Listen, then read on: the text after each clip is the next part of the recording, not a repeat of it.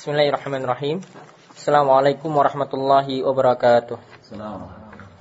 Alhamdulillahirabbil alamin wassalatu wassalamu ala asyrafil anbiya wal mursalin nabiyina sayyidina Muhammadin wa ala alihi wa sahbihi ajmain. Alhamdulillah pada kesempatan kali ini Allah Subhanahu wa taala masih memberikan kita nikmat untuk mengkaji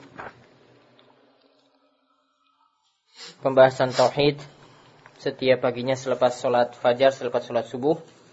Mudah-mudahan Allah Subhanahu wa taala senantiasa memberikan kita keistiqomahan, memberikan kita kesehatan dan terus memberikan kita hidayah dan taufik sehingga kita termasuk orang-orang yang mentauhidkan Allah Subhanahu wa taala.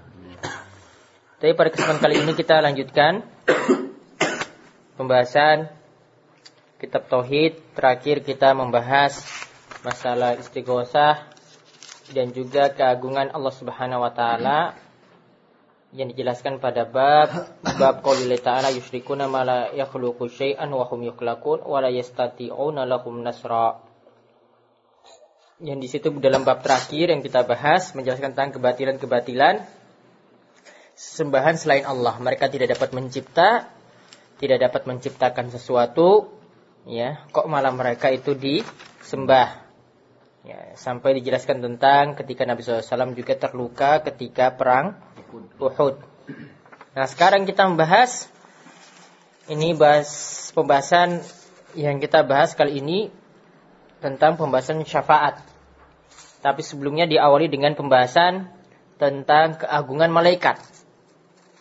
Bagaimana ketika malaikat itu menerima wahyu Kenapa dibahas tentang malaikat dulu? Tentang keagungan malaikat? Karena ya biasanya yang dimintai syafaat itu orang-orang yang mulia. Kalau enggak orang soleh, para nabi, para malaikat, orang-orang seperti ini. Ya, orang-orang mulia seperti ini. Mereka punya kemuliaan seperti ini, seperti nanti akan dijelaskan, ya. Ini belum tentu mereka pantas untuk dimintai syafaat. Nanti kita akan bahas syafaat hari ini. Karena alasan syafaat inilah di mana menjadi alasan orang-orang musyrik. Ini kan mereka orang-orang soleh. Jadi kita minta syafaat kepada mereka. Kalau mereka ingin ada sembelihan ketika itu, ya kita juga berikan sembelihan. Kalau kita mereka ingin juga ada sesajen-sesajen ketika itu, kita juga beri sesajen. Jadi alasannya itu dengan syafaat. Syafaat ini alasan terbesarnya orang musyrik. Kalau nggak tawasul, kalau enggak dengan syafaat, ya. Kalau enggak dengan alasan tadi mereka adalah orang-orang yang dekat di sisi Allah Subhanahu wa taala. Jadi kita sajikan ibadah kepada mereka. Nah, ini alasan orang-orang mus musyrik. Nah, biasanya kayak gitu kan. Ini kan Pak Kiai kita nih orang yang paling soleh. Jadi kalau mau doa, ya minta di kuburnya dulu baru ya disampaikan pada Allah, nggak bisa lang langsung. Nah, ini alasan-alasannya di sini. Nah, di sini diawali dengan keagungan para malaikat ketika mereka mendengar wahyu dari Allah Subhanahu wa taala. Perhatikan bab ini. Kita lihat Allah Subhanahu wa di sini katakan bab qaulullahi taala, bab firman Allah Subhanahu wa taala yaitu surat Saba ayat 23. Hatta idza fuzziya an qulubihim qalu madza qala rabbukum qalu al-haqq wa huwa al-aliyyul kabir. Sampai idza fuziya an qulubihim sampai dicabutkan rasa takut pada hati-hati mereka yaitu hati-hati para malai malaikat. Jadi ini bicarakan tentang malaikat ya. Di awal ayat ini diberikan dibicarakan tentang syafaat. Allah Subhanahu wa taala katakan di awal ayat ini ini masih di pertengahan ayat ya. Wala tanfa'u syafa'atu indahu liman adzinalah illa liman adzinalah. Tidak tidaklah manfaat syafaat kecuali dengan siapa yang Allah izinkan. Lalu dibicarakan tentang malaikat. Ya, jadi ada kaitannya. Nah, hatta idza fuzi'an qulubihim ketika rasa takut itu dicabut dari hati-hati para malaikat. Kemudian qalu madza qala rabbukum. Kemudian para malaikat itu berkata, qalu madza? Apa madza artinya? Anak. Apa ini? Ada apa? Madza? Ya, ada apa? Ma itu e, isim istifham, istifham. Za itu untuk menunjukkan itunya. Ya. Jadi ada apa gitu ya. Masa para mereka bertanya ada apa? Kemudian qala rabbukum. Rob kalian berkata. Rob kalian itu berfir, berfirman. Ini berarti Allah ya itu berbicara. Ya. Sifat Allah di antara sifat Allah itu adalah kalamullah. Allah itu berbicara. Kok di sini para ulama sering membahas tentang kalamullah? Kenapa? Ya, kalamullah itu ya bukan makhluk. Itu adalah sifat Allah. Kenapa? Kalamullah itu apa? Al-Quran ini ya. Mushaf. Ya, kenapa para ulama sering bahas itu? Kenapa? Apa manfaatnya? Lalu kita bahas kalamullah itu makhluk atau bukan? Fi faidah? Hah? Mafi maklum. Itu manfaatnya besar sekali ya. Coba kalau Allah firman Allah itu dikatakan makhluk, konsekuensinya apa? Ya, konsekuensinya uh, kalau makhluk itu bisa ditolak bisa Jadi sama dengan novel, sama dengan majalah, sama dengan baca koran. Iya kan? Jadi kalau orang mau protes itu gampang. Coba kamu sebutkan ayat-ayat tentang hijab. Ayat-ayat tentang jilbab. Dia bilang, wah Al-Quran itu makhluk, ngapain? Sama aja dengan koran, itu bisa diprotes. Tapi kalau itu kalamullah gimana? Nggak bisa. Itu konsekuensinya, makanya orang-orang liberal itu bantahnya itu dari situ. Jadi bantahnya dari tadi kalau Al-Quran itu kalamullah, ya, ataukah bukan? Ataukah kalam Muhammad, perkataannya Muhammad atau perkataannya Jibril? Konsekuensinya di situ karena kalau dia bilang itu makhluk, ya sudah berarti hijab itu ditolak mudah. Hukum-hukum waris juga di, ditolak. Hukum-hukum kisos dalam Al-Quran juga ditolak. Mau ditolak dengan mudah. Mudah dikias. Ya, ditolak, dibantah gampang. Tapi kalau itu kalamullah, sudah nggak bisa nolak apa-apa. Jadi konsekuensinya di situ nanti. Nah, di sini di antara dalil yang mengatakan bahwasanya ya Allah itu berbicara. Ya, Qala rabbukum. Karena Rob kalian berkata ya kan berarti Allah itu ber, berbicara. Berbicaranya seperti apa? Ya. Laisa kamislihi syai'un. Pokoknya tidak sama dengan mah makhluk. Makhluk berbicara sama-sama berbicara ya kan? Nah, sama. Begitu kalau Allah bicarakan Allah itu turun ke langit dunia. Turunnya gimana? Ya turunnya nggak nggak tahu. Pokoknya itu Allah tuh turun. Sama halnya sama-sama kata-kata keluar, kita keluar rumah.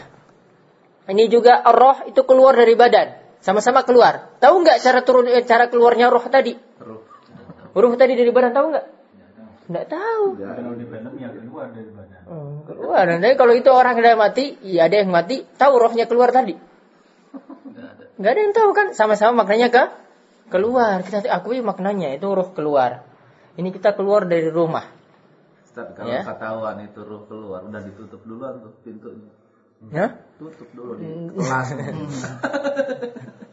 Biar paten. Nah, jadi ingat ya, kalau dikatakan sifat-sifat Allah itu maka selalu berbeda dengan makhluknya. Sifat Allah itu sesuai dengan keagungan Allah. Kalau sifat makhluk sesuai dengan makhluk. Ya, mendengar yang mendengarnya makhluk terbatas. Kalau mendengarnya Allah sesuai dengan keagungannya. Nah, qaulul haq. Mereka berkata ketika ada yang nanyakan, ada apa itu? Kemudian Rabb kalian itu berkata, lalu mereka berkata qaulul haq. Ya, itu adalah perkataan yang benar. Wa huwal aliyyul kabir dan Allah itu maha tinggi lagi maha perkasa, maha besar. Ali di sini maha tinggi di sini ya mengandung beberapa makna di antaranya sifat-sifat Allah itu tinggi atau mulia dan di antaranya juga ini yang menjadi pembeda alusunnah dan bukan yaitu keagungan sifat Allah Allah itu tinggi ya dilihat dari keberadaan Allah Subhanahu wa taala. Allah itu tinggi, maha tinggi di atas seluruh makhluknya. Allah itu bukan di mana-mana. Karena di sini disebut Ali. Ya, konsekuensi Ali tinggi ya, berarti di atas seluruh makhluknya. Kalau ada yang tanya, wah, kalau di atas berarti di- eh, kalau kita di, berada di bagian bumi bawah berarti ya, Allah di mana nanti? Ya, kan kalau di atas, ya, kan nanti posisi bumi kan bulat. Ini dilihat dari posisi bumi yang atas apa yang bawah. Pokoknya Allah di atas itu semuanya. Ya, pokoknya Allah di atas itu semuanya. Gampang. Gak usah mikir sulit-sulit. Jadi bukan Allah itu ada di mana-mana. Kalau ayat yang mengatakan wa ma'akum aina kuntum, Allah itu uh, berada bersama kalian di mana saja kalian berada itu maksudnya apa? Ilmu Allah bukan zat Allah yang ada di mana-mana. Karena konsekuensinya banyak kalau kita katakan zat Allah itu ada di mana-mana, berarti Allah itu berbilang lebih daripada satu. Berarti juga Allah dapat berada di tempat-tempat yang tidak mulia, berada di tempat-tempat kotor. Berarti Allah kalau kita berada di mana-mana, uh, kita ada di mana-mana, ya kan? Berarti konsekuensinya nanti ada di kamar mandi juga. Ini perkataan kufur. Ya, ini perkataan kufur tidak boleh kita berkeyakinan semacam itu. Paham Hindu Paham Hindu gitu ya? Ya mungkin kita dapat warisan dari Hindu kali seperti itu. Kalau ada makhluk yang baik cuma ya Tuhan berarti ada di situ katanya. Gitu. Hmm. Interaksi dengan orang-orang Hindu begitu. Orang India? Iya. Bilang kamu masuk Islam lah biar ngerti gitu. Saya jelaskan ya tetap aja begitu. Kemudian ayat tadi, nah ini dijelaskan pada hadis-hadis berikut ini. Fis sahih. Disebutkan dalam kitab sahih yaitu Sahih Bukhari yaitu ketika membahas tentang tafsir surat Saba. Tadi ya tafsir surat Saba ayat 23. Hatta idza fuzzi'a an qulubihim. Dari Abu Hurairah radhiyallahu anhu, ani Nabi SAW, dari Nabi SAW, ia berkata, Iza qadallahu al-amra fis sama Ya, ketika ditetapkan perkara fis sama, artinya Allah itu berbicara di langit. Ya, qada Qadal amro ini maksudnya takallama bih. Ketika Allah membicarakan suatu perkara di langit. Dorobatil malaikah. Malaika itu muannas. Maka doroba itu ada taknya. Itu dorobat. Karena bersambung jadi dorobatil malaikatu. Malaikat itu memukul atau mengepakkan ya ajnihatiha sayap-sayapnya. Sayap malaikat jumlahnya berapa? 60. Hah? 500 ribu tetap. 60. 60. 600. 600. Pokoknya ingat enamnya aja. Di Tijan itu. Karena ada di ujian kemarin kan? 600. 600 500. 600 ini malaikat Jibril. Nah, malaikat Jibril. 500. 600 ya? Yang apa lo? Wah. Arif. Wah, wah. Tolib uh, Mumtaz. Iya, begitulah. Tapi di ulangan salah saya itu. Lah, kok gitu sih? Zuhud dia mau tinggalkan yang ini. Biar salah aja gitu, biar temannya yang menang. Nah, malaikat itu mengepakkan sayapnya. Ya. Khud'anan liqaulihi. Sebagai khud'an. Itu tunduk kepada firman Allah Subhanahu wa taala.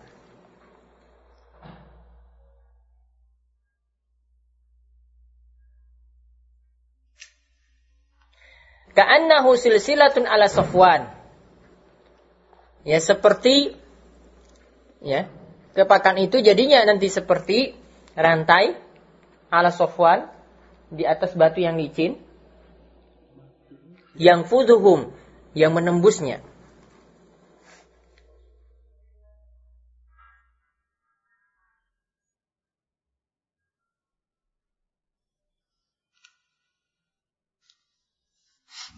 Artinya perkataan ini sampai kepada malaikat. Jadi perkataan Allah tadi sampai kepada malaikat. Seperti menembus batu yang licin sampai pada mereka tadi, sampai kepada mereka. Yang fuduhum sampai kepada para malaikat. Jadi sofan itu artinya apa? Batu licin. Jadi ada namanya sofan itu artinya itu. Sofwan. Kalau sof pakai sot. Batu apa maksud? Licin. Kalau Sufyan beda lagi. Ini pakai so, so, sofwan. Kalau sapuan? Hah? Sapuan. Ya. Sapuan. Disapuin. hatta idza fuzia kemudian yang fuzum zalika kemudian hatta hatta idza fuzia an qulubihim ya sampai dihilangkan rasa takut dari hati mereka qalu maza mereka katakan ada apa ini qala rabbukum rabb kalian itu berkata qaulul haq yang para malaikat itu menjawab Allah itu berkata yang hak, yang benar, wa huwal aliyul kabir. Nah, kemudian selanjutnya fayasma'u wa mustarikus sam'i. Kemudian ada yang mencuri berita, mustarik. Mustarik, mustarik berita ya. Mustarik berita. Mustarik itu orang pencuri. Pencuri berita dari langit, yaitu siapa setan. Yasma'uha, mereka mendengarnya. Nah, ini membicarakan tentang bagaimana uh, dukun itu dapat berita dari langit. Dukun itu dapat berita dari setan. Nah, ini ceritanya seperti ini. Wa mustarikus sam'i hakaza ba'duhu fauqobat. Tadi pencuri berita dari langit tadi, hakaza itu seperti ini. Ba'duhu fauqobat. Yaitu sebagian mereka ya di atas sebagian yang lain. Sebagiannya di atas sebagian yang lain. Jadi saling numpuk. Ya, numpuk, numpuk, numpuk, numpuk sampai ke Atas. atas. Yang nyusun itu. Nyusun-nyusun gitu ya. Wasofa wasofahu Sufyan bin Uyainah bikaffihi. Ya. Kemudian Sufyan, Sufyan ini namanya Sufyan. Kalau tadi itu Sofwan ya, ya kan? Ini Sufyan. Ini pakai sin. Sufyan bin Uyainah ya. Kemudian men- mensifati ya, bagaimana keadaan pencuri berita langit tadi itu seperti ini yaitu dengan kafi dengan tangannya. Ya, dia buat tangannya itu saling numpuk gitu ya. Numpuk ke atas atas, atas terus. Faharrafaha wa baddada bain asabihi.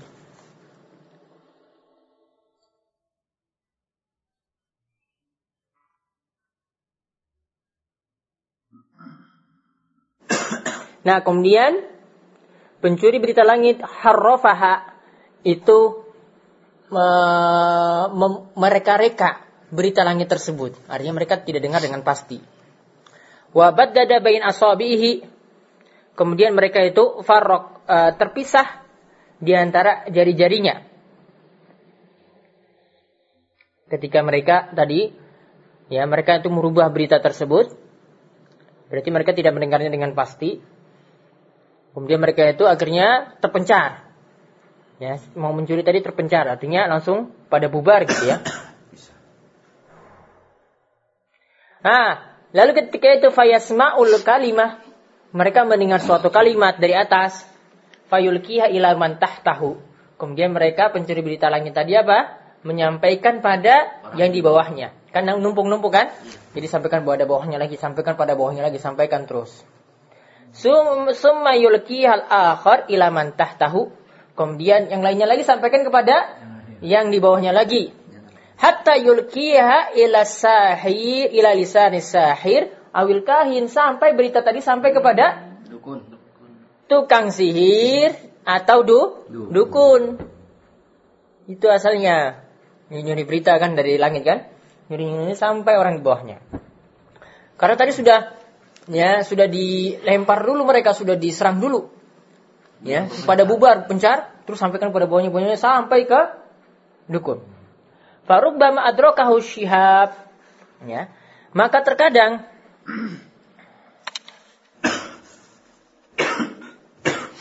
Nah, tadi itu mereka itu dilempar. Ya. Pencuri berita lagi itu dilempar. Maka asyhab ini maksudnya adalah orang yang sudah dilempar tadi.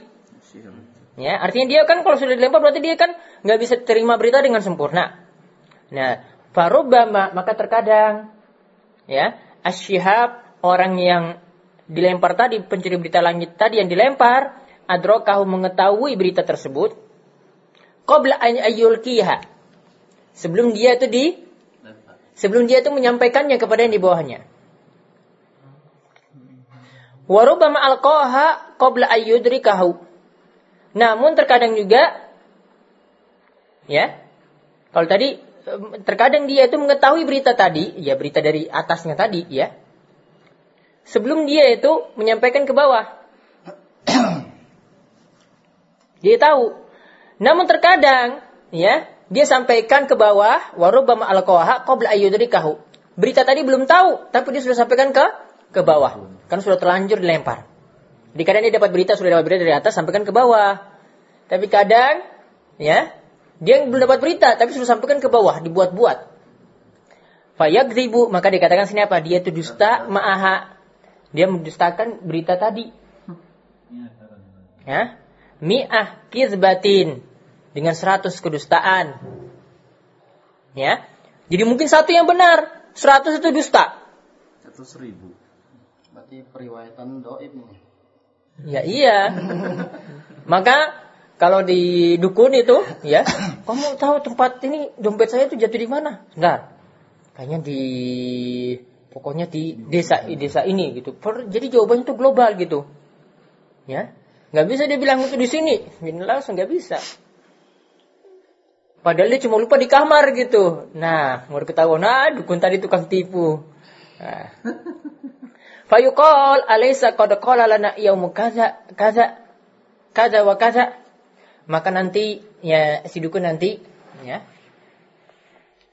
mengatakan ya fayuqal nanti mengatakan bukankah ya pada qala lana yaum kaza wa telah dikatakan pada kami hari ini dan hari itu ya hari ini dan hari itu betul ya fayusaddaqu bitil kal kalima allati sumi'at minas sama maka nanti dia itu dibenarkan ya dengan uh, perkataan dia tadi yang dia dengar berita tadi dari apa? Langit. Ya, jadi itu ya. Jadi itu asal usul tadi dukun tadi itu mengelabui orang. Orang soleh. Ya. Jadi dia curi berita dari langit kan? Jadi para malaikat tadi yang tadi dapat berita dari Allah sampaikan Kemudian teruskan sampai bawah sampai bawah. Ah, didengar sama apa? Sama Kahin. pencuri berita langit tadi pada para setan. Dan terus sebelum dia mendengar utuh, sudah dilempar. Kadang dia mendengar berita tersebut, kadangnya tidak mendengar. Kemudian sampaikan ke bawah, ke bawah, ke bawah, ke bawah, ke bawah, sampai terakhir di kahin tadi. Para dukun. Jadi kadang buat dibuat dusta. Yang satu dia dengar betul, dan seratus itu semuanya dusta. Nah, kemudian ada hadis dari dari Nawas bin Sam'an radhiyallahu anhu.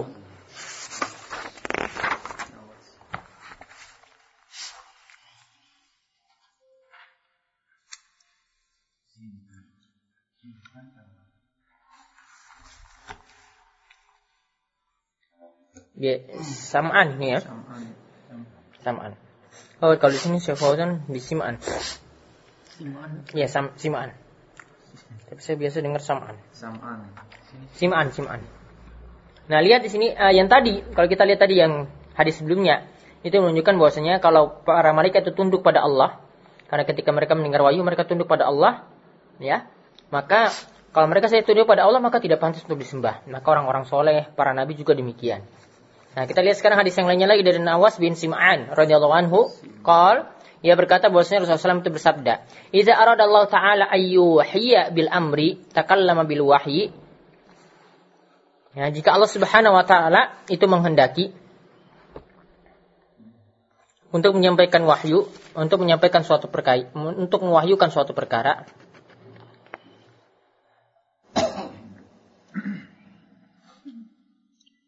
maka akhazatis samawati minhu rajfatun. Maka maka rojfa ya rojfa au qala ra'adah ya. Au qala ra'adah itu maksudnya keguncangan. Ra'da sadida keguncangan yang yang sangat. Rojfa atau ra'da itu maknanya guncang. Maka ketika berita tersebut itu diambil yaitu dari langit maka terjadi keguncangan yaitu khaufan minallahi azza wa jalla Langit itu guncang karena apa? Takut kepada Allah Subhanahu wa taala. Faiza sami'a zalika al samawati sa'iku wa kharru lillahi sujada. Maka ketika penduduk langit itu mendengar berita tersebut, sa'iku, mereka itu ada yang pingsan. wa kharru dan ada yang tunduk. Sujadan lillah. Ya. Wa kharru lillah mereka tunduk. Yaitu sujud pada Allah. Maka fayakun awwalu may yarfa'u ra'sahu Jibril. Maka yang pertama kali mengangkat kepalanya itu adalah Jibril.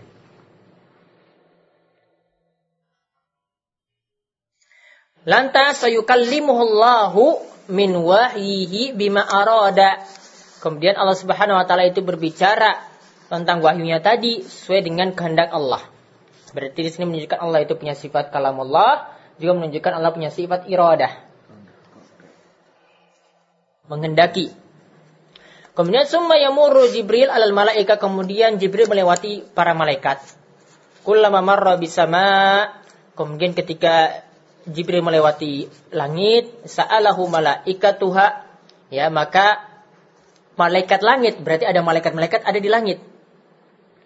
Malaikat-malaikat ada di langit itu sa'alahu bertanya kepada Jibril. Maza qala rabbuna ya Jibril? Apa yang difirmankan oleh Rabb kita wahai Jibril? Fayaqulu Jibril, maka Jibril itu berkata qalal haqq. Rabb kita berkata yang benar.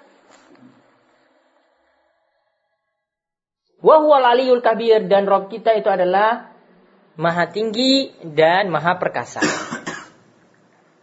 Kemudian fayaqulu nakulluhum misla maqala Jibril. Kemudian para malaikat semuanya itu berkata seperti yang Jibril katakan. Nah, tadi sebelumnya kan tadi mereka tunduk dan sujud yang menunjukkan bahwasanya malaikat saja itu adalah makhluk yang lemah. Mereka tunduk pada pada Allah. Kalau mereka tunduk pada Allah, maka jangan tujukan doa kepada para malaikat. Jangan minta syafaat pada para malaikat, tapi minta langsung pada pada Allah yang mereka itu tunduki. Nah, fayaquluna kulluhum islam qala Jibril, maka mereka semua itu berkata seperti Jibril. Jadi kalau ada yang tanya, apa yang dikatakan terhadap kita? Mereka katakan qaulul haq. Allah itu berkata yang benar. Wa huwal aliyul kabir. Semua penduduk langit itu berkatakan seperti itu. Wa huwal aliyul kabir. Jadi kalau ada yang menolak sifat Allah itu maha tinggi, yaitu Allah berada di atas sana, yang berarti juga menolak apa yang diimani para malaikat. Semua para malaikat itu mengakui seperti ini. Fayantahi Jibril bil wahyi ila haitsu amarahallahu azza wa jalla. Kemudian berakhirlah uh, Jibril uh, Jibril itu berakhir wahyunya sampai pada apa yang diinginkan oleh yang yang Allah Subhanahu wa taala itu perintahkan. Jadi ini semua ayat tadi hatta idza fuzi an dan hadis-hadis tadi itu menunjukkan keagungan para malaikat. Mereka itu makhluk yang tunduk kepada Allah Subhanahu wa taala. Mereka itu seperti kata Allah Subhanahu wa taala la ya'suna ma amarahum. Mereka itu tidak memaksiati ya atau tidak durhaka terhadap perintah Allah. Allah. Ya. Mereka tunduk pada Allah Subhanahu wa taala. Kalau mereka makhluk yang mulia seperti ini, ya, namun mereka tunduk pada Allah. Ya, bukan yang dimintai doa, maka tidak pantas setiap ibadah ditujukan kepada mereka. Kita lihat faedahnya. Tafsirul ayah, ini menjelaskan tentang tafsir ayat tadi, yaitu hatta idza huzi'an kulu bihim. Kemudian mafia minal hujjah ala ibtali syirk. Ini juga menjadi dalil tentang kebatilan kesyirikan khususan mata allaku ala solihin terkhusus yang berkaitan dengan orang-orang soleh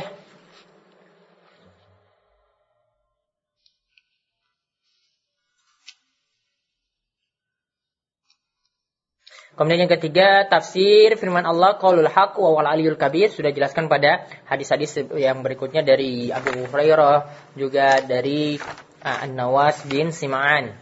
Kemudian sababu su'alihin anzalika Ya, kenapa ditanyakan seperti itu? Itu sudah dijelaskan dalam hadis tadi. Kemudian yang kelima, ana Jibril yujibuhum ba'da zalika biqauli qala kaza wa kaza.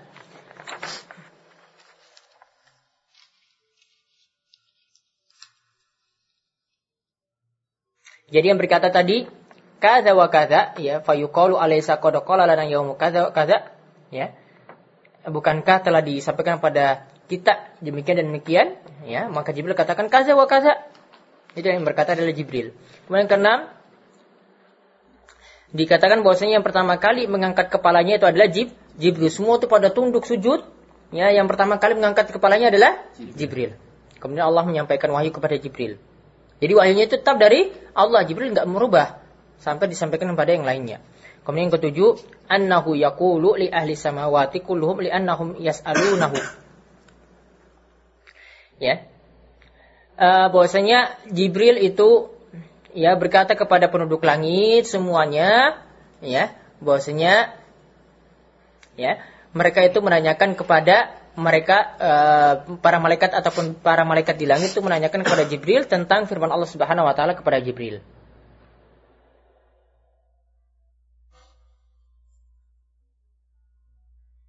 Kemudian ketundukan tadi semua penduduk langit itu melakukannya semuanya itu tunduk kepada Allah Subhanahu wa taala. Kemudian kesembilan Tadi irtijafu samawat samawat samawati li kalamillah.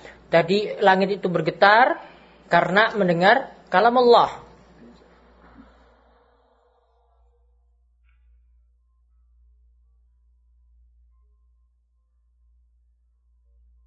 Kemudian yang ke-10 ana Jibril, bahasa Jibril itulah yang terakhir yang wahyu itu berakhir pada dirinya. Sebagaimana yang Allah perintahkan. Kemudian yang ke-11 disebutkan tentang pencurian setan terhadap berita langit. Kemudian ke-12 sifat rukub, ya rukub itu maksudnya masing-masing eh, setan tadi itu rukub menaiki satu dan lainnya sampai ke atas. Rukub itu naik.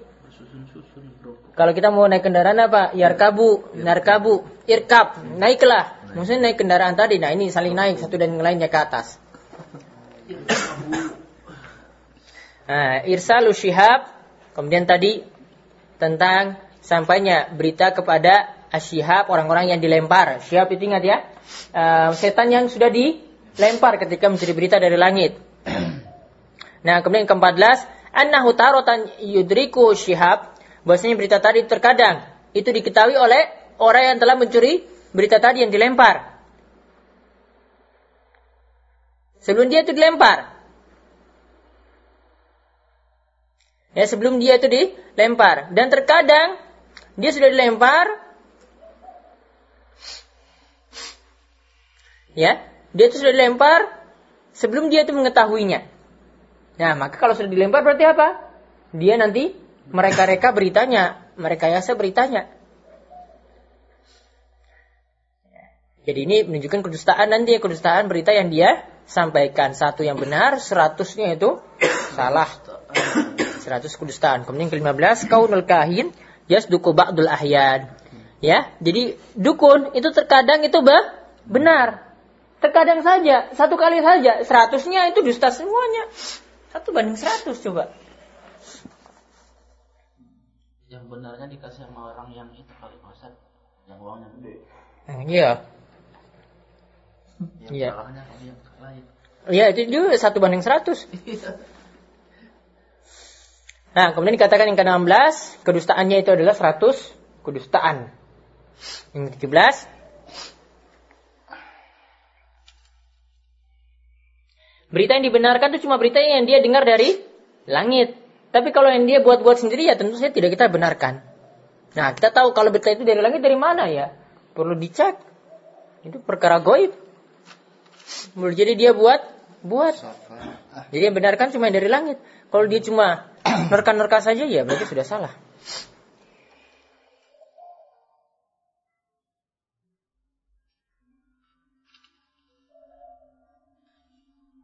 Ya, di sini yang ke-18, hati itu biasa menerima kebatilan. Coba lihat ya, beliau katakan kaifa yata'allakuna. Bagaimana bisa menerima kebatilan itu uh, yang benar itu biwahidah itu satu.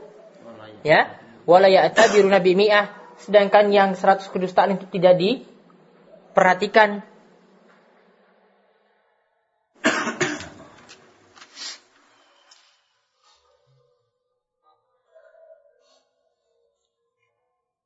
Yang ke-20 aja lihat. Ya, 19 itu sama dengan penjelasan-penjelasan sebelumnya. Yaitu bahwasanya satu uh, setan yang satu dan yang lainnya itu saling bertemu kemudian menyampaikan kalimat tadi. Menjaganya kemudian sampai disampaikan kepada bawah. Kemudian ke-20 isbatu sifat khilafanil asya asy'ariyah al-mu'attilah. Ya, ini dalam hadis-hadis tadi menunjukkan ditetapkannya sifat di antaranya sifat kalam Allah. Allah itu berbicara, sifat iradah, Allah itu berkehendak. Ya. Namun Asy'ariyah ya, itu menolak sifat-sifat tersebut. Ini Asy'ariyah itu yang tersebar di negeri kita ya, makanya yang ditetapkan itu cuma sifat berapa? 20. 20. Kemudian yang kedua satu tasrih anatil karrojfa wal ghashi khaufan minallahi azza wa jalla. Bahwasanya tadi e, bergetarnya langit tadi kemudian ketundukan tadi itu semuanya karena rasa takut kepada Allah Subhanahu wa taala. Kemudian yang ke-22 annahum yakharruna lillahi sujada. Mereka itu tunduk pada Allah dengan sujud kepadanya. Nah, setelah kita mengetahui keagungan malaikat tadi, mereka itu makhluk Allah Subhanahu wa taala yang tunduk pada Allah. Ya. Maka ini menunjukkan bahwasanya orang-orang soleh itu tidak pantas dimintai syafaat. Karena mereka tunduk pada Allah Subhanahu wa taala. Ketika wahyu disampaikan langit saja bergetar. Ketika wahyu itu disampaikan saja mereka sujud pada Allah. Kok ada yang minta kepada orang-orang soleh seperti itu? Ada yang minta kepada para malaikat. Minta doa pada malaikat dan termasuk minta permintaan seperti ini adalah permintaan dalam masalah syafaat. Nah ini maka kita bahas selanjutnya tentang masalah syafaat. Eh, syafaat. Ulangi yang ke-20. 20 penetapan sifat berbeda dengan yang ditetapkan oleh Asy'ariyah Mu'attilah yang menolak sifat. Mu'attilah itu menolak sifat. Menolak sifat. Sifat penetapan.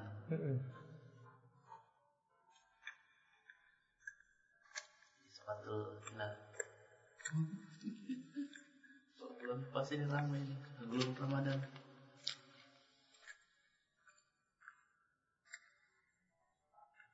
Kemudian berikutnya. Babu syafa'ah. Apa itu makna syafaat? Syafaat itu bermakna genap. Secara bahasa itu genap. Witir itu ganjil. Syafa itu apa? Genap.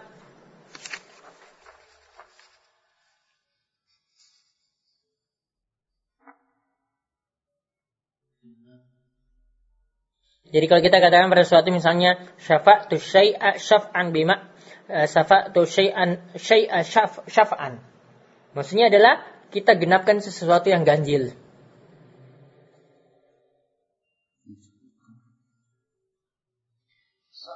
Kalau secara syar'inya Kalau secara syar'inya yang dimaksudkan dengan syafaat adalah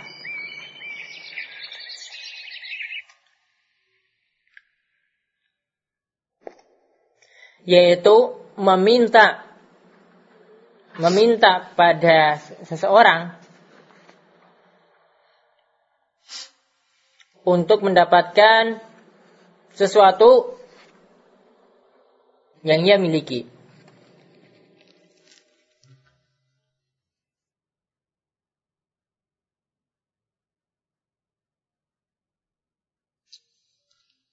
Ya, saya ulang tadi. Apa tadi awalnya? Hmm. Menolong, eh bukan minta, menolong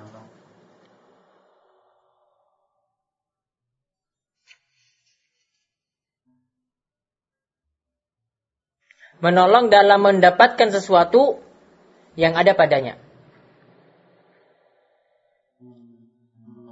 Hmm. Menolong dalam mendapatkan sesuatu yang ada padanya.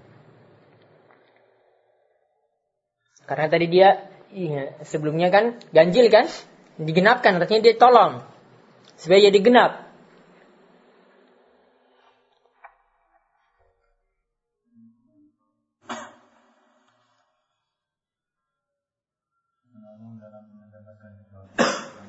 Padanya. Jadi a'anahu fi tahsili matlabihi matlabihi mimman huwa indahu. Yaitu menolong bitahsil dalam mendapatkan sesuatu yang ada padanya. Jadi di sini kejadiannya kalau syafaat pada hari kiamat seperti syafaat pada pada pada saat makhluk semua itu dikumpulkan. Ya nanti semuanya itu menghadap ke masing-masing nabi ulul azmi. Ya. Kemudian terakhir di nabi kita Muhammad sallallahu alaihi wasallam. Ya meminta apa? Mereka minta mendapatkan sesuatu ya Pak agar persidangan itu segera dibuka. Ya, jadi minta kepada Nabi SAW. Ya, namun ketika itu Nabi SAW mintanya kepada Allah Subhanahu Wa Taala. Jadi Allah yang memiliki syafaat. Allah yang memiliki syafaat. Kemudian diserahkan kepada Nabi, sudah diizinkan pada Nabi, baru nanti diberi kepada orang yang Allah ridhoi. Ya, jadi bukan minta kepada Nabi. Karena Nabi sendiri tunduk, dia sujud dulu kepada Allah baru. Allah itu izinkan dia mendapatkan syafaat baru diberikan kepada orang lain. Ya, orang lain yang diberi ini juga orang-orang yang diridhoi oleh Allah Subhanahu wa taala. Nanti kita akan lihat ada dua syarat syafaat, ya dua syarat mendapatkan syafaat. Yang pertama, dua syarat mendapatkan syafaat. Yang pertama, yang beri syafaat itu telah mendapatkan izin. Dua apa? Dua syarat mendapatkan syafaat.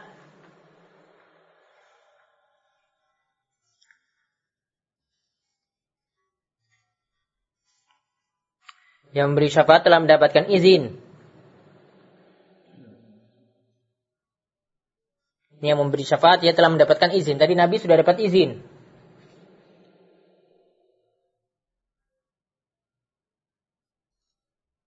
Jadi izinnya itu yang digaris bawahi. Kemudian kedua,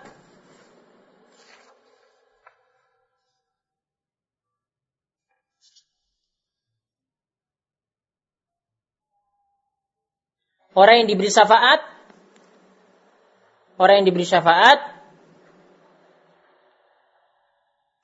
telah diridhoi Allah.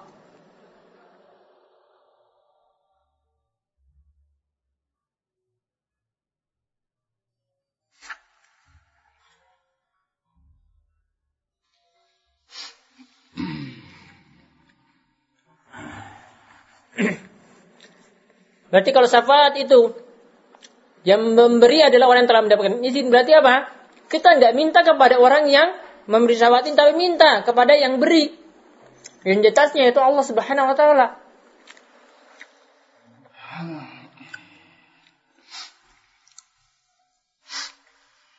Makanya Allah Subhanahu wa taala katakan lillahi syafa'atu jami'a dan hanya milik Allah itu seluruh syafaat. Jadi minta pada Allah. Kemudian yang kedua tadi apa? yang diberi, yang dapat syafaat tadi, itu adalah orang yang Allah ridhoi. Kalau orang musyrik itu bukan orang yang Allah ridhoi. Orang yang sering mengagungkan kubur, berbuat syirik, itu bukan Allah ridhoi. Maka dia sulit mendapatkan syafaat. Tapi kalau tadi syafaat yang tadi ya, ini namanya syafaatul uzma, ketika uh, makhluk itu semua nanti akan disidang, ya, ini adalah syafaat untuk seluruh makhluk. Mau mukmin mau kafir, karena semua itu disidang sidang ketika itu. Ada orang kafir, ada orang mukmin juga. Tapi kalau syafaat untuk dimudahkan di sirat, syafaat bagi uh, orang yang berbuat dosa besar itu keluar dari neraka, itu semua untuk orang-orang beriman. Jadi saat syafaat yang hanya diperuntukkan untuk seluruh makhluk, baik mukmin maupun kafir itu namanya syafaatul uzma.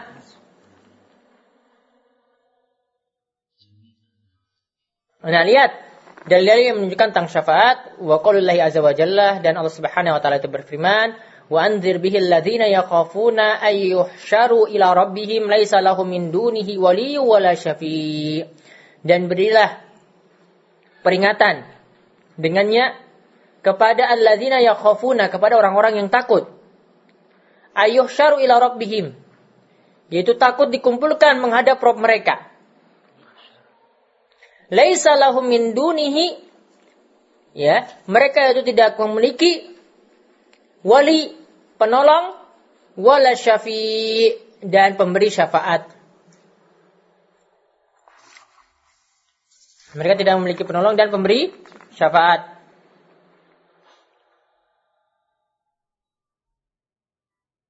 Jadi ini dalil bantahan kepada orang-orang musyrik. Yang mereka itu memperuntukkan ibadah kepada selain Allah. Mereka takaruk kepada selain Allah, kepada orang-orang soleh, kepada para malaikat. Mereka maka mereka apa? Ditiadakan syafaat bagi mereka wala syafi tidak ada wali ya. Laisa min dunihi wali, tidak punya wali, penolong dan juga tidak punya pemberi syafaat. Ini dalil yang menunjukkan syafaat itu ditolak. Ditolak bagi siapa? Orang-orang yang ya, orang-orang musyrik.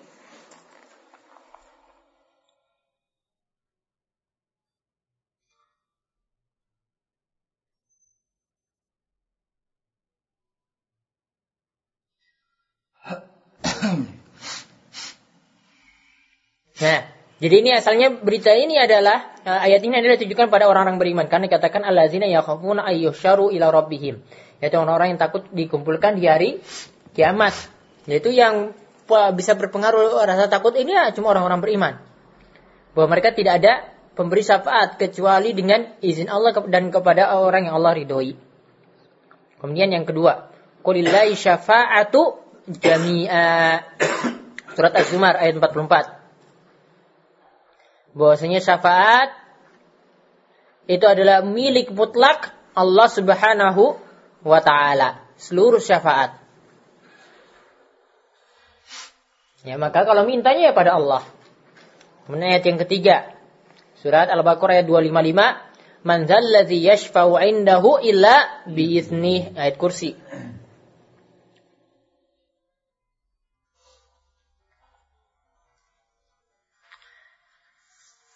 Ya, dan siapa lagi yang memberi syafaat kecuali dengan izin Allah Subhanahu wa taala. Kemudian ayat keempat. Wa kam min malakin fis samawati la tughni syafa'atuhum syai'an illa min ba'di ayyadzanallahu liman yasha'u wa yarda. Ini disebutkan dua syarat syafaat. Dua syarat mendapatkan syafaat. Dan bertambah banyak malakin, yaitu malaikat. Malak itu malaikat? Wa kam mim malakin fis samawati.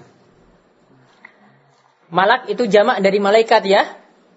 Dan betapa banyak malaikat di langit? Malak itu mau dari malaikat bukan? Enggak itu jamaknya. Jamak. Sini katakan wa mana kasir minal malaikah. Malak itu maksudnya adalah banyak malaikat. Dan betapa banyak malaikat fis samawat di langit la tugni syafa'atuhum syai'ah. Tidak bermanfaat syafaat mereka sama sekali. Tidak ada manfaat syafaat mereka kecuali apa? Kecuali dengan dua syarat. Illa min ba'di Allah. Kecuali dengan izin Allah. Kecuali setelah Allah izinkan. Lima yasha bagi siapa yang Allah kehendaki wa yardha dan Allah ridhoi. Yaitu Allah ridhoi perkataan dan perbuatannya. Jadi dengan dua syarat di sini kan? Yang pertama apa? Ayat dan Allah yang Allah izinkan. Kemudian yang kedua apa? Yang Allah ridhoi. Dua syarat ini mutlak.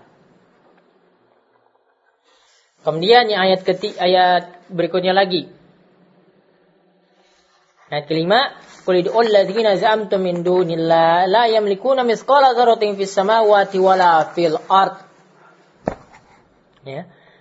Katakanlah kepada mereka yang kalian seru selain Allah. yang kalian seru selain Allah. Yaitu di sini selanjutnya dibicarakan tentang malaikat. Bahwasanya ya la yamlikuna misqala zarrah. Mereka tidak memiliki ya kekuasaan terhadap apa? Misqala zarrah. Satu ya misqala zarrah suatu yang beratnya ya sangat kecil. Zarrah itu suatu yang sangat kecil wati wala fil ard. Mereka tidak punya kuasa ya terhadap sesuatu yang sangat kecil di langit maupun di bumi. di bumi. Lantas kok minta syafaat kepada mereka? Nah, kemudian dikatakan Abul Abbas. Ini maksudnya Abul Abbas ini adalah Ibnu Taimiyah. Kalau Abul Abbas maksudnya sini adalah Ibnu Taimiyah. Ibnu Taimiyah nama kunyanya itu Abul Abbas. Nama aslinya apa? Ahmad. Ahmad bin Abdul Halim bin Abdul Salam ya, bin Taimiyah Al-Harani. Daerah Harani. Nah, Ibn Taimiyah ya sudah ma'ruf ya. Beliau meninggal tahun 728 Hijriyah.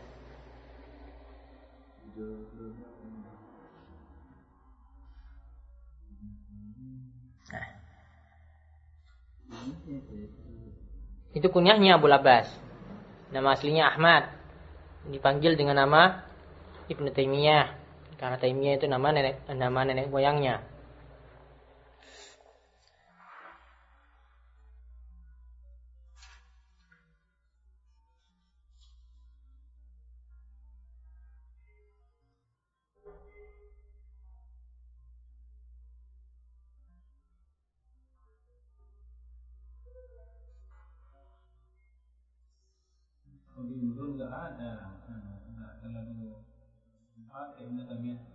Hah?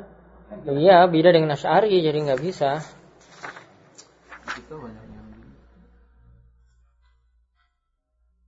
Lu denger aja dulu ya gitu.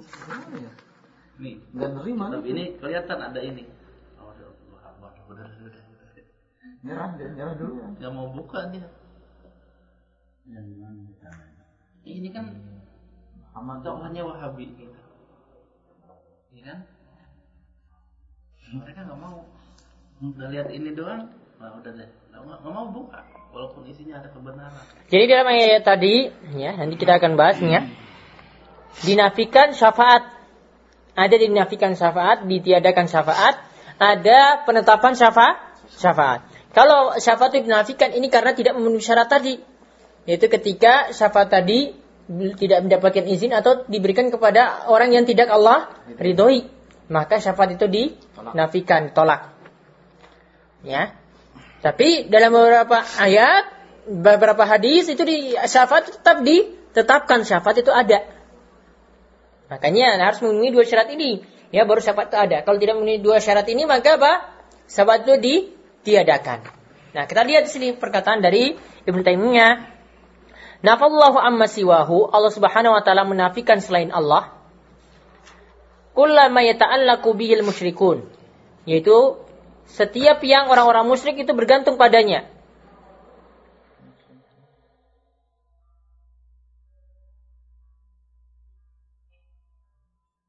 Maka Allah Subhanahu wa taala itu menafikan ligoiri pada selainnya mulkun kekuasaan aukistun atau bagian minhu dari sifat tersebut. Atau menafikan juga bahwasanya aunan lillah, mereka itu menolong Allah atau membantu Allah. Walam yabqa illa syafa'ah. Ya, jadi tidak ada yang memiliki sesuatu, tidak ada yang memiliki bagian dari Allah Subhanahu wa taala. Kemudian yang hanya diberi ini apa? Walam yabqa illa syafa'ah. Yang hanya diberi itu adalah syafa syafaat. Yang cuma diberi kepada makhluk itu syafaat. Tapi tadi tadi apa? Dengan dua syarat tadi. Maka fabayyana annaha la tanfa'u illa liman adzina lahur rabb. Karena mulk kekuasaan Allah itu Allah tidak beri. Tetap mutlak milik Allah. Kemudian kistun juga satu bagian pun Allah juga tidak beri. Ya, kemudian juga Allah tidak butuh bantuan atau pertolongan. Namun yang disisakan cuma syafaat. Kalau disisakan cuma syafaat saja maka harus apa? Dengan izin Allah karena hal ini mutlak milik Allah. Kalau orang mendapat syafaat berarti harus apa? Dengan izin Allah. Makanya sebagaimana Allah Subhanahu wa taala katakan wala yashfa'una illa liman irtada. Tidak mendapatkan syafaat kecuali pada orang yang Allah ridhoi. Maka diperhatikan fazi syafa'ah allati yasunnuhal musyrikun, maka syafaat yang disangka akan diperoleh oleh orang-orang musyrik itu adalah hiya manfiyah. Itu adalah syafaat yang tertolak. Karena mereka adalah orang yang bukan Allah ridhoi. Ya, hiya manfiyatun yaumul qiyamah, maka syafaat itu tertolak pada hari kiamat. Kama nafahal Quran, sebagaimana dinafikan dalam Al-Quran. Wa akhbaru Nabi SAW, dan Nabi SAW juga mengabarkan, ya, annahu ya'ti Ya ini tentang syafaatul uzma, ceritakan tentang syafaatul uzma. Bahwasanya nanti beliau datang pada hari kiamat, fayasjudu li rabbih wa yahmaduhu. Kemudian Nabi SAW itu sujud ya pada Allah wa yahmaduhu dan memuji Allah Subhanahu wa taala sujud dulu. Berarti Nabi SAW itu ketika minta syafaat ibadah dulu. Ibadahnya pada Allah. Kemudian muji-muji Allah. La yabdu la yabda'u bi syafaati awalan dia tidak langsung meminta syafaat ketika itu pertama kali. Jadi nggak minta langsung syafaat, tapi Allah itu di ibadahnya dulu, Allah itu disembah dulu, disujudi. Baru setelah itu dipuji-puji, baru apa? Summa yukol. Kemudian, kemudian Nabi SAW itu berkata, berkata pada Allah Subhanahu Wa Taala, ya. Kemudian summa yuqalu lahu. Kemudian Allah Subhanahu Wa Taala itu berkata kepada Nabi Muhammad, irfa ra'sak, angkatlah kepalamu. Kata disujudkan, angkat kepalamu. Wa qul yusma, katakanlah yusma maka engkau akan didengar. Wasil tu'ta, ya maka mintalah engkau akan diberi. Wasfa tu syafa, mintalah syafaat maka engkau akan diberi syafaat. Nah, itu berarti setelah dapat izin izin Allah ya kan? Awalnya kan tidak diberi. ketika uh, Allah Subhanahu wa taala katakan tadi summa yuqalu lahu waswa'tu syafa' nah mintalah syafaat maka engkau akan di, diberi. Maka ketika itu waqala Abu Hurairah lahu. Nah ini hadis sudah selesai ya. Ini dalam hadis yang lainnya lagi. Waqala Abu Hurairah Abu Hurairah lahu.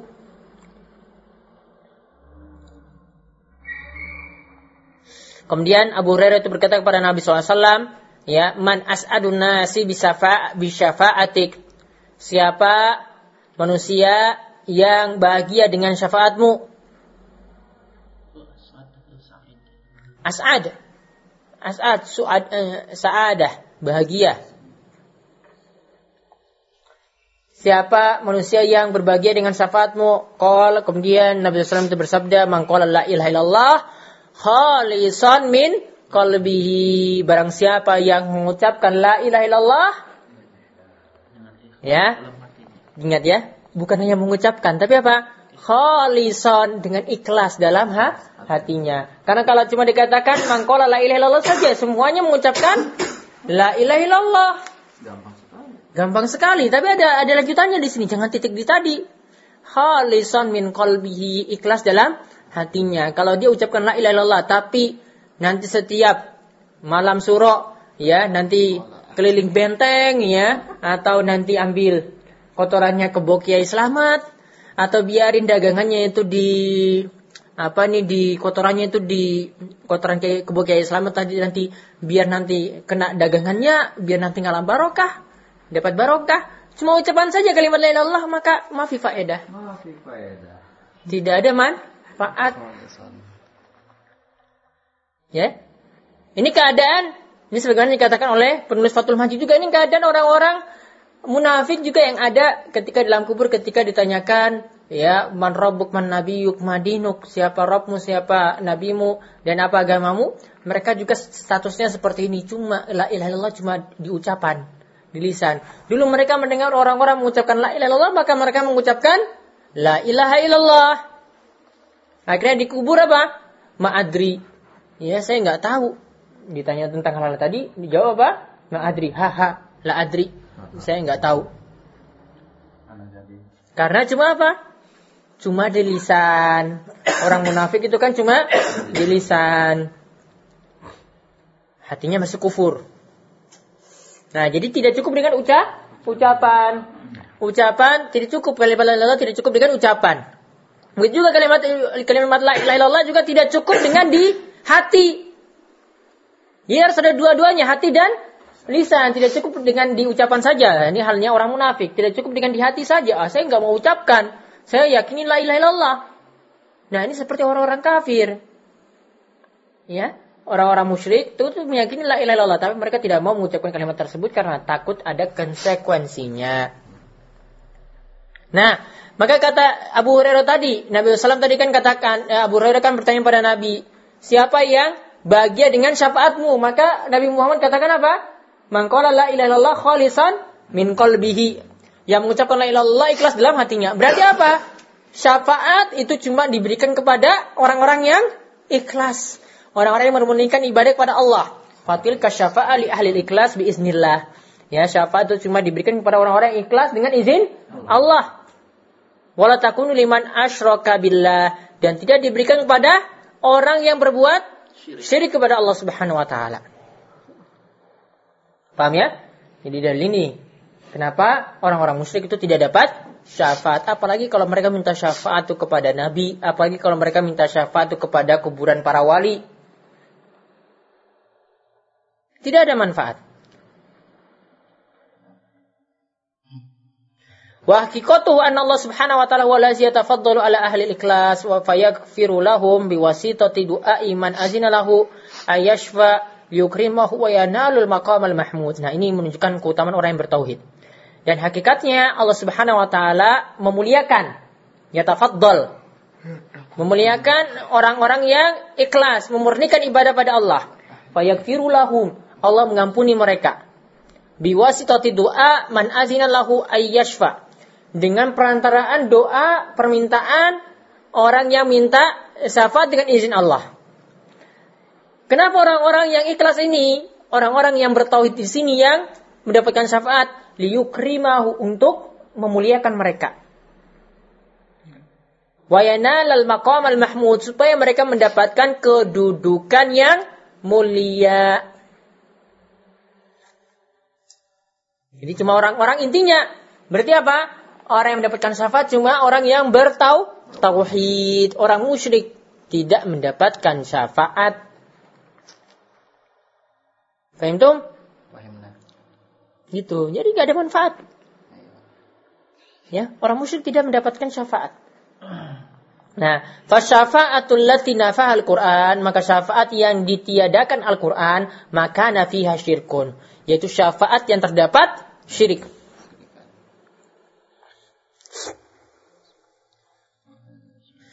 Walihaza asbata syafa'a biisni fi mawadhi'.